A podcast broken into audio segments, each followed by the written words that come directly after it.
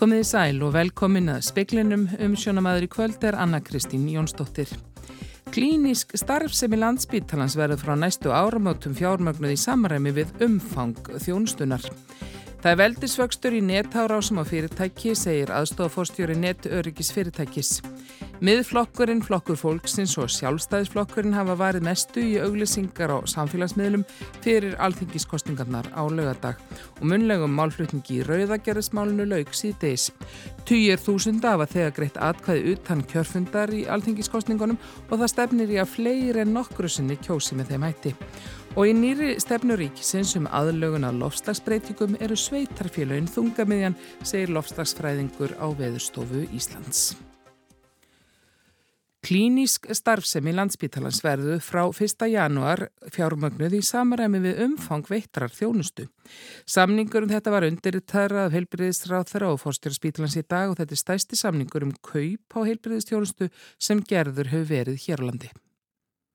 Svandi Svavarsdóttir, heilbreyðisráð þeirra, Pál Mattíasson, fórstjóri landsbítalans og Marja Heimisdóttir, fórstjóri sjúkratrygginga Íslands undirritu samning um innleðingu þjónustu tengdra fjármögnunar landsbítala í dag. Pál sagði í samtali við fréttastofu að þetta fyrirkomalag þýtti að fjefildi verkefnum hjá spítalarum. Þegar að verkefni fjölgar þá uh, aukast greiðslu spítalans eftir uh, skilgundum hætti þó innan ramma. Á sama tíma og tryggt er samt að aðri tættir sem að ekki rætt að mæla út frá beinum teljara eins og til dæmis mentun og vísindi séu áfram fjármögnuð með förstum fjárlugum. Pál sagði við undirritun samningsins að framundan væri mikil breyting á hluta rekstrar spítalans. Þarna væri komin kvati til að framleiða meira og veita betri þjónustu. Og síðan eru ákveðin gæða við mig þarna á bakvið líka sem að í rauninni gæðatengja þjónustuna og veita eh, okkur þar með ákveðið afhald sem ég held að sé að finna góða líka. Saði Pál Mattiasson Jón Agnar Ólason rétti við hann. Starfsmenn fyrirtækisins geyslatækni vinna nú hörðum höndum að endurreysn tölvukerfis sem teki var í gíslingu fyrir tæpri viku af rúsneskum tölvufrjótum. Tölvufrjótum þeir krafðust 26 miljónar króna í lausnargjald sem hækka á miðnætti í 52 miljónir. Framkvæmdastjóri geyslatækni segir ekki komið til greina að greiða gjaldið og er nú unnið með aðstóð innlendra og erlendra sérfræðinga að því að koma starfseminni aftur í gang. Anton Már Már Egilson, aðstofaframkvæmdastjóri fyrirtæksin Sindis, segir að 12 árásum fari snar fjölgandi. Já, við erum að sjá verulega aukningu, við reynum bara veldisvöxt í svona árásum undanfæramísi. Og Ísland náttúrulega ekkit undanskilið um heiminum?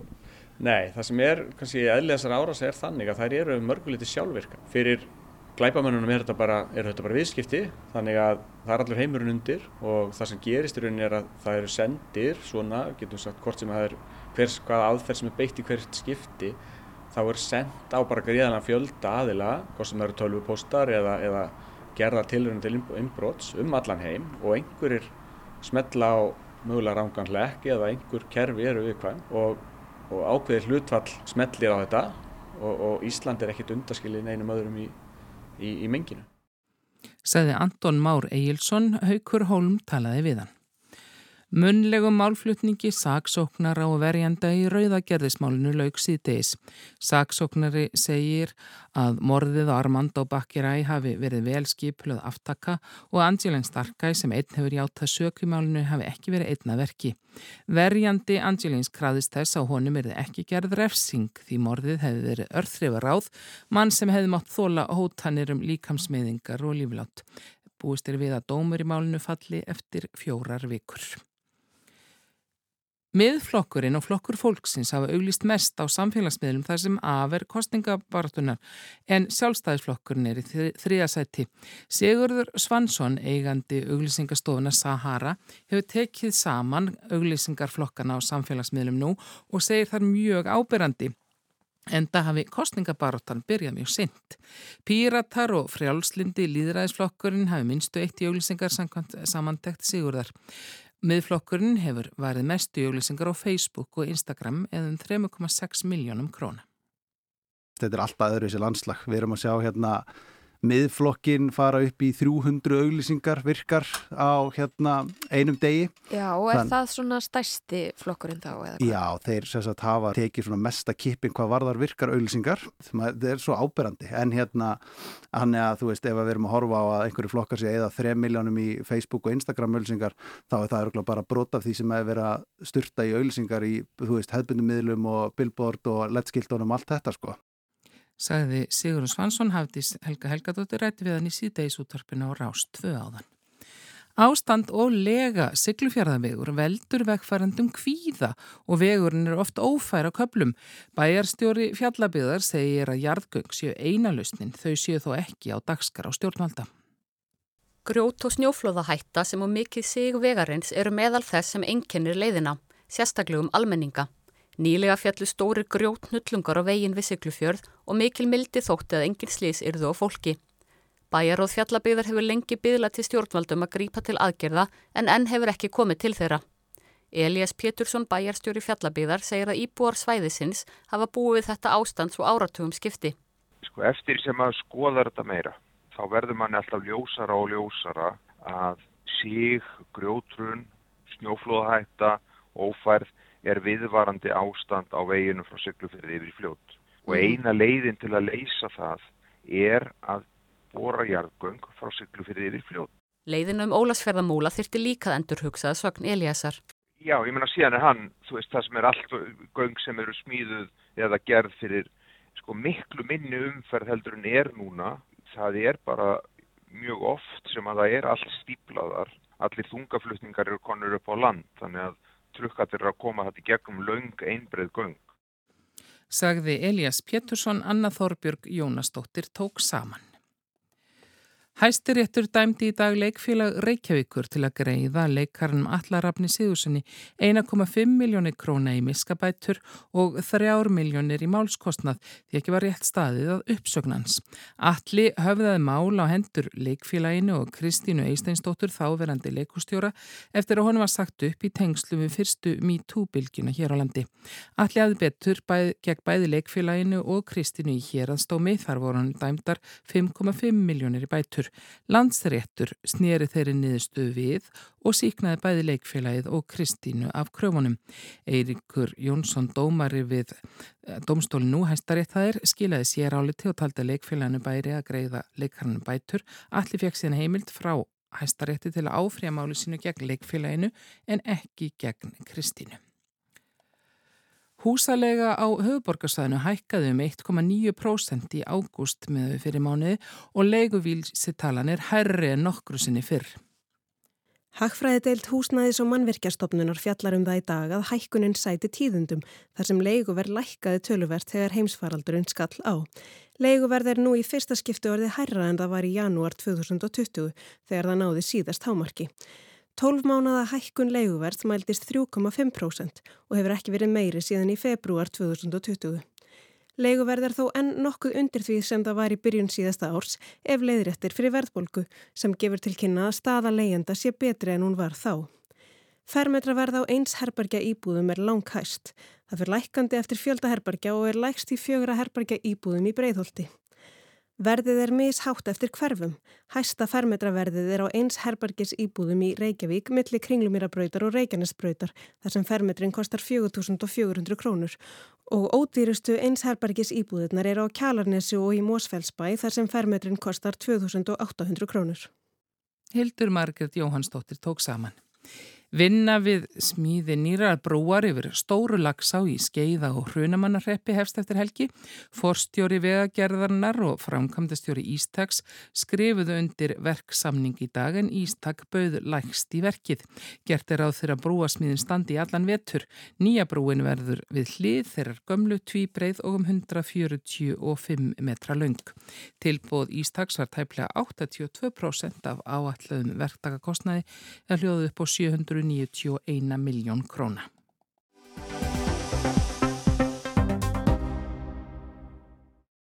Kjósendur hafa verið áfjóðari nú en nokkru sinni að kjósa utan kjörfundar.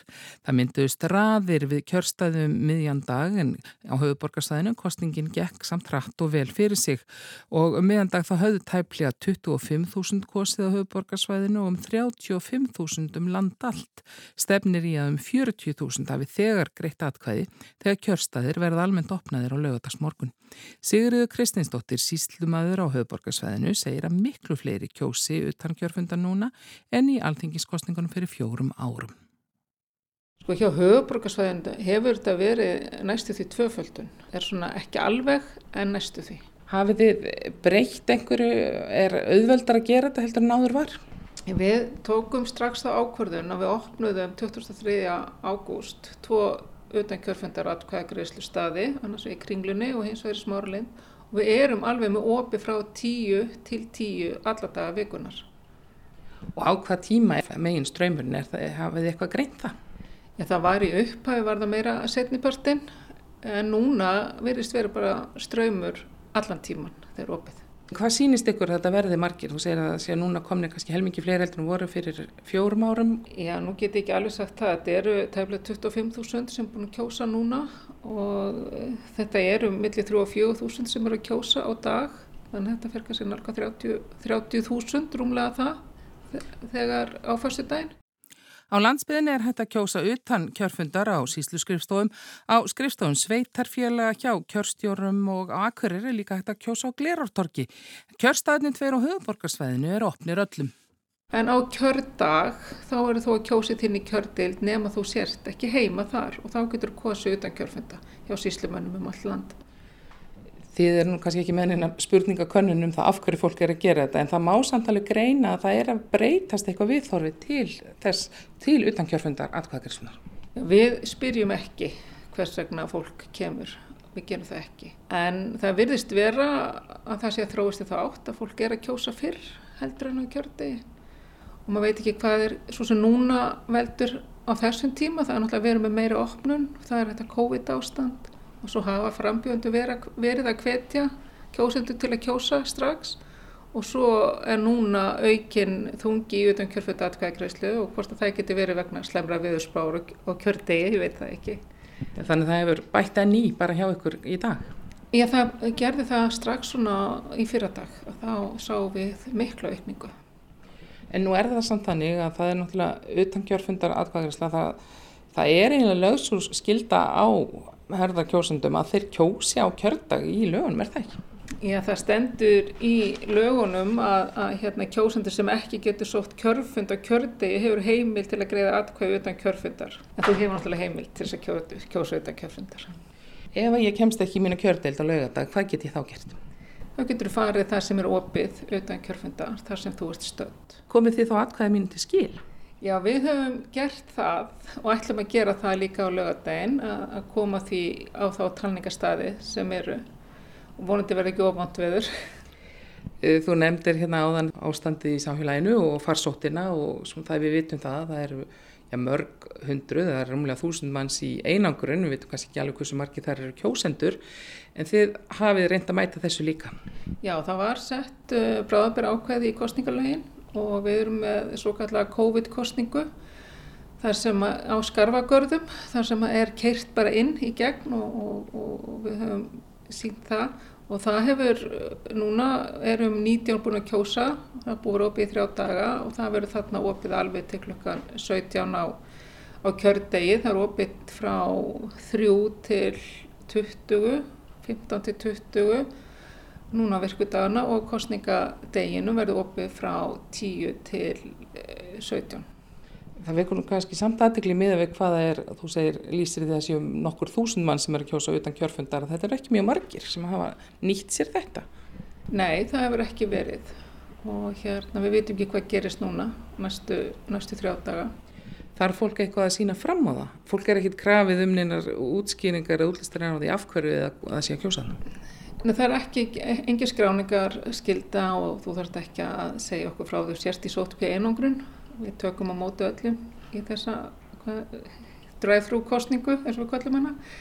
En uh, þeir sem eru eiga ekki heimagengt og eru í einungrun eða sótkví og þá þurfum þeir að sína fram á það að þeir séu í einungrun eða sótkví á kjördegi og þá geta þeir sótt um að fá að kjósa á dvalarstað. Nú eru þið þetta alltaf bara eins og ég segir, þið framkvæmið bara gera það sem að lagana bókstafu segir fyrir. Oft hefur það nú verið rætt í sambandi við þetta kjörfundaratkvæðagreifsluna að hún sé hafinn og, og megi byrja henni áður en frambóðsfrestur er runnin út. Mm -hmm. Fyndist ykkur ekki eðlilega mörgulegt til að samræma þetta? Sko þetta er núna í, í kostningalögun sem er í gildi núna en það taka ný kostningalögu gildi um áramótin og er, þá er búið að breyta þessu. Þannig það verður ekki þannig að maður þurfa að reyna að giska á hvaða bókstafir verði í bóði. Nei, það verður alveg klárt næst þegar verður utan kjörfutatvæði greiðsla. Sagði Sigriður Kristinsdóttir síslumadur á höfuborgarsæðinu.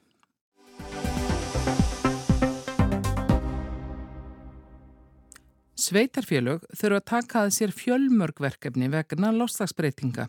Haldur Björnsson, lofslagsfræðingur, bendir á að þau verkefni snúist ekki bara um sorpirðu, skipulag, lagnir og flóðavarnir, heldur líka um félagslega og mýkri innviði. Og svo er þriði kostun en náttúrulega bara að gera ekki neitt og, og taka höggið og það er það sem að reyna að forðast því það getur að vera mjög sásökafullt. Þetta er Haldur Björnsson, loftslagsfræðingur og viðurstofu Íslands. Hann er að tala um þá þrjákosti sem að mannkynnið stendur frammi fyrir í loftslagsmálum. Sá þriði er ekki sérlega físilegur, en það eru flestir á því að vinna með hinatvo. Annars vegar að bregðast við vandanum með því að draga úr lósun og hins vegar að bregðast við afleiðingum loftslagsbreytinga með aðlugun til að reyna að koma í vekk fyrir tjónavöldum þeirra. Þessi verkefni lendaði sumu og jafnvel talsverðu leiti á borði sveitarfélaga og þetta eru stór og flókinmál eins og dæmin sanna.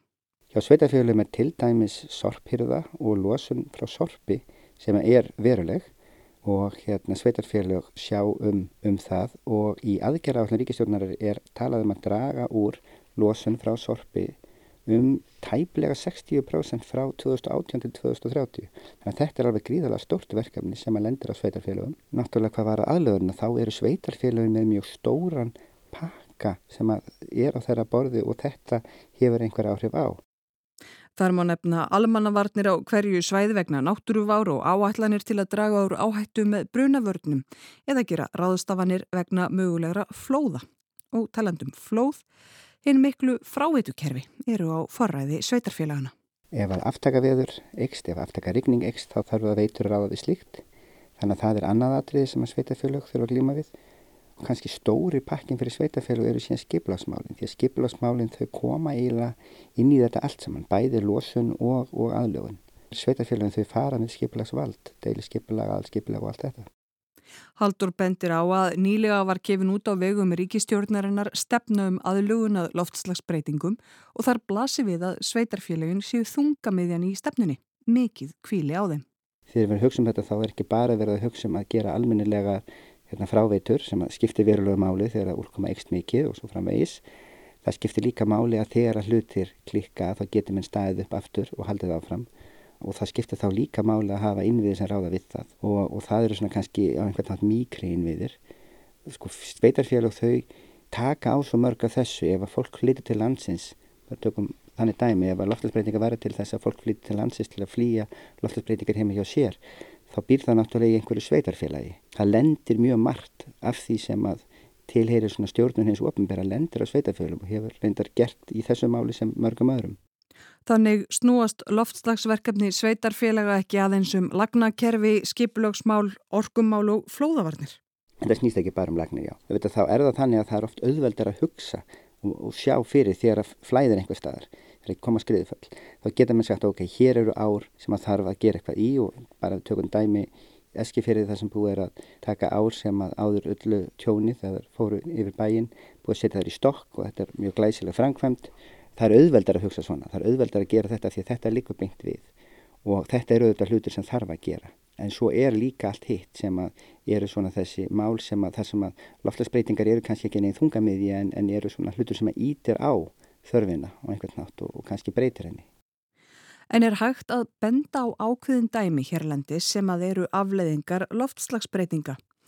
Var gróður og skóareldurinn í heiðmörki vor vegna þurka og loftslagsbreytinga? flætti upp úr klósettum á syklufyrði í hittufyrra vegna ofsaregningar og hárar sjávarstöðu og vegna loftslagsbreytinga og ekki síst urðu skriðuföllin miklu á segðisfyrði í aftakaregningunni í desember vegna loftslagsbreytinga. Það sem er vitað er að mjög víða um heiminn aftaka veður, tíðnin er að breytast, tíðnin er önnur, hún er meiri, mestu hitar eru verri og svo framvegis. Og fyrir okkur þá er þetta spurningunum, erum við að sjá veður sem við höfum ekki séð áður eða erum við að sjá eitthvað sem passar inn í það sem er búist við að gerist vegna lofstafsbreytinga og sem dæmi mætti bara taka úrkoma sem fellur í desember og ætti að öllu jafn að vera snjór en fellur sem regning og veldur skriðuföllum og ef þetta er gríðulega mikil úrkoma þá bara blotnar allt upp og svo vera starri skriðuföll og þetta er eitthvað sem gerist á segðisferði. Þarna er ekki hægt að segja beint það voru lofstafsbreytinga sem gerða þetta en þú getur sagt að þetta passar alveg við það sem að þú getur búist við vegna lofstafsbreytinga. Það er að segja að úrkoma, sérstaklega í fjöllum, sé ryggning en ekki snjókoma á, á sem tíma árs og við höfum eftir rætt það daltið áður að það er hætta á að, að flóða sem að verða vetraflóð til dæmi sem verður vegna bránunar, þau gjör breytist þegar bránun nær allt hérna mikla hærra upp í landið en hún gerði áður.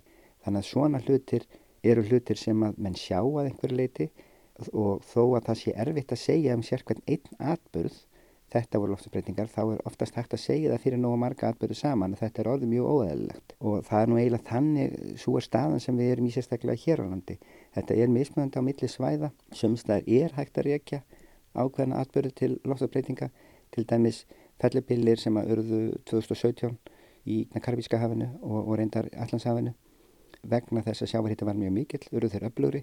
Það hefur verið rækis og rækningar frekar örug og það maður benda á líka sko við fengum, þetta var mjög aktíft fellibilja tími sem var þá haustið 2017 og við fengum þó nokkuð af þessu á okkur og mjög mikið af lægðum sem að hérna og úrkomu og úrkoman á Suðausturlandi var gríðarlega mikil og þær höfðu skriðið föll. Þannig að við getum alveg sagt að það er svona dæmi um um atbyrði sem passa algjörlega við lofslagsbreytingar. En það er mjög mikilvægt að við pössum okkur í öllum framkvæmdum til dæmis, sé alltaf hugað að því, ok, hvað ef að lofslagsbreytingar auka þessa áhættu sem er hér með því að geta gert starri flóð eða verið rigningu eða, eða eitthvað slíkt. Og þá raunum veru að það er miklu ódýrara að bregðast við í núna heldur en bregðast við í ef að skildi vera tjón eða þú búin að byggja eitthvað og kemst að það var of lítið. Þetta raunum veru þýðir það að með þurfa að huga og nálgast hluti aðeins öðruvísi. Sagði Haldur Björnsson, loftslagsfræðingur á Viðustó Íslands. Ragnhildur Torlasís rætti við hann.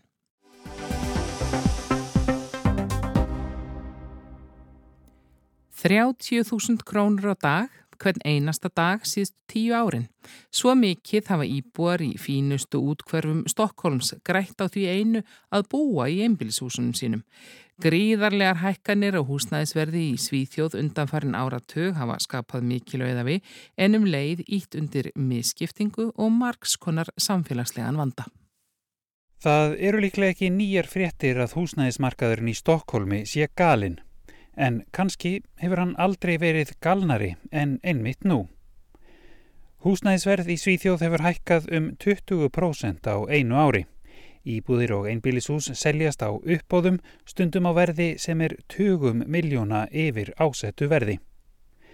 Á sama tíma fækkar leiguíbúðum á viðræðanlegu verði og því er jáfnvel spáð að innan aldarfjörðungs hafi fólk með meðal eða lágar tekjur ekki lengur efni á að búa í höfuborginni. Hér í Svíþjóð eiga tveir af hverjum þremur það húsnæði sem þeir búa í og þessir fastegna eigandur hafa hagnast mikið á síðustu tíu árum að minnstakosti á papirunum.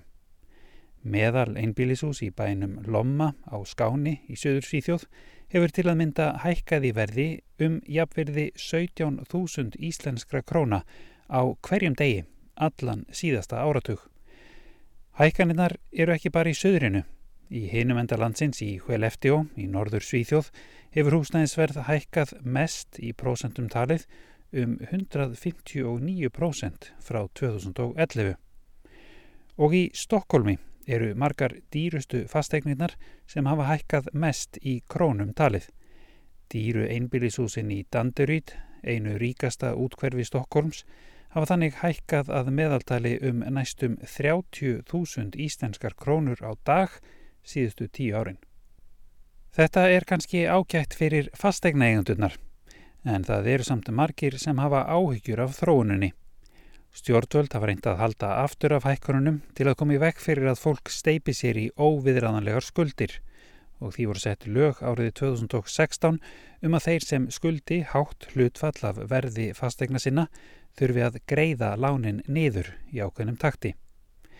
Á móti kemur að minna er byggt af íbúðarhúsnæði en þarf og svo eru vextir mjög lágir, 1,3% að jafnaði og þetta ítir undir verðhækkanir. En það hafa heldur ekki allir efni á að vera með þessum leik og þá kemur að leikumarkaðnum. Um fjórðungur íbúa í Svíþjóð býr í leiguhúsnæði og lengi vel var stærri hluti þessi í eigu sveitarfélagana. Leigan er viðræðanleg en fólk getur þurft að býða ansi lengi eftir að fá útlutað íbúð. Hér í Gautaborg þarf fólk ofta að býða í 5 til 10 ár, rúm 12 ár að meðaltali í Stokkólmi og alltaf 20 í Uppsölum. Það eru vissulega líka leigufyrirtæki í enga eigu og einstaklingar sem leia út íbúðir sem þeir eiga eða íbúðir sem þeir eru sjálfur með á leigu en frambóðið er takmarkað og íbúðunar oft bara leiðar út í stuttan tíma í senn og æg oftar taka leigufyrirtæki sér til og ákveða að gera íbúðir upp og hækka um leið leiguna verulega. En hvernig stendur á því að það er skortur á íbúðarhúsnæði í Svíþjóð, landinu sem oft er bent á sem fyrirmynd í húsnæðismálum? Því það var jú hér í Svíþjóð í húsnæðiskreppunni á sjönda áratöknum sem stjórnvöld ákáðu að byggja miljón ódýrar íbúðir á bara nokkrum árum. Þeir sem eru gaggrínir á stöðuna í húsnæðismálum nú segja sumir að allar breytingar á sænska húsnæðismarkaðunum síðan þá hafi verið í vittlaus átt. Svíjar lifi á fornri fræð. Og nú um hálfri öld setna þegar komin er tími á viðhald og ganggera yfirhalningu á þessum íbúðum sem byggðar voru í miljónprogrammet hafa þær í mörgum tilvikum verið seldar engafjárföstum. Endubætur leið oft til þess að leigan hækkar, jafnvel um helming. Atanet Merke, íbú í Solna út hverfi Stokkólms, stendur til dæmis frammi fyrir því að leigan hækki úr 210.000 í 330.000 íslenskar krónur á mánuði. Íbúar í hverfinu ætla að skjóta málunu fyrir domstól því það er þak á leigu í Svíþjóð, en reynslan sínir þó að leigusalar vinna nýju af hverjum tíu domsmálum á borði þetta. Adanet Merke vinnur sem hjógrunarfræðingur í Stokkólmi en sér ekki fram á að laun sín rökkvi fyrir svo hárri leigu. Eftir svipaðar endurbætur í öðru hverfi nýlega fluttu um 60% íbúana annað, hvort sem það var svo vegna leiguhækkunarinnar eða af öðrum orsökum. Í Stokkólmi og nákrenni hafa stjórnvöld áhyggjur af því að of lítið sé byggt og ekkert sem bendi til þess að staðan muni batna á næstunni fyrir meðal og látækju fólk. Það sé einfallega að verða of dýrt að búa í Stokkólmi. Við þetta bætist að ódýrum leiguýbúðum fækkar stöðugt. Stjórnvöld hafa selt margar ofinberar leiguýbúðir til enga eðila sem oft breyta þeim í búseturétti og selja eða gera upp og hækka um leið leiguna um 20%. Það verður því sífælt erfiðara fyrir látteikjufólk að búa í borginni. Þetta er Kári Gílásson sem talar frá Svíþjóð.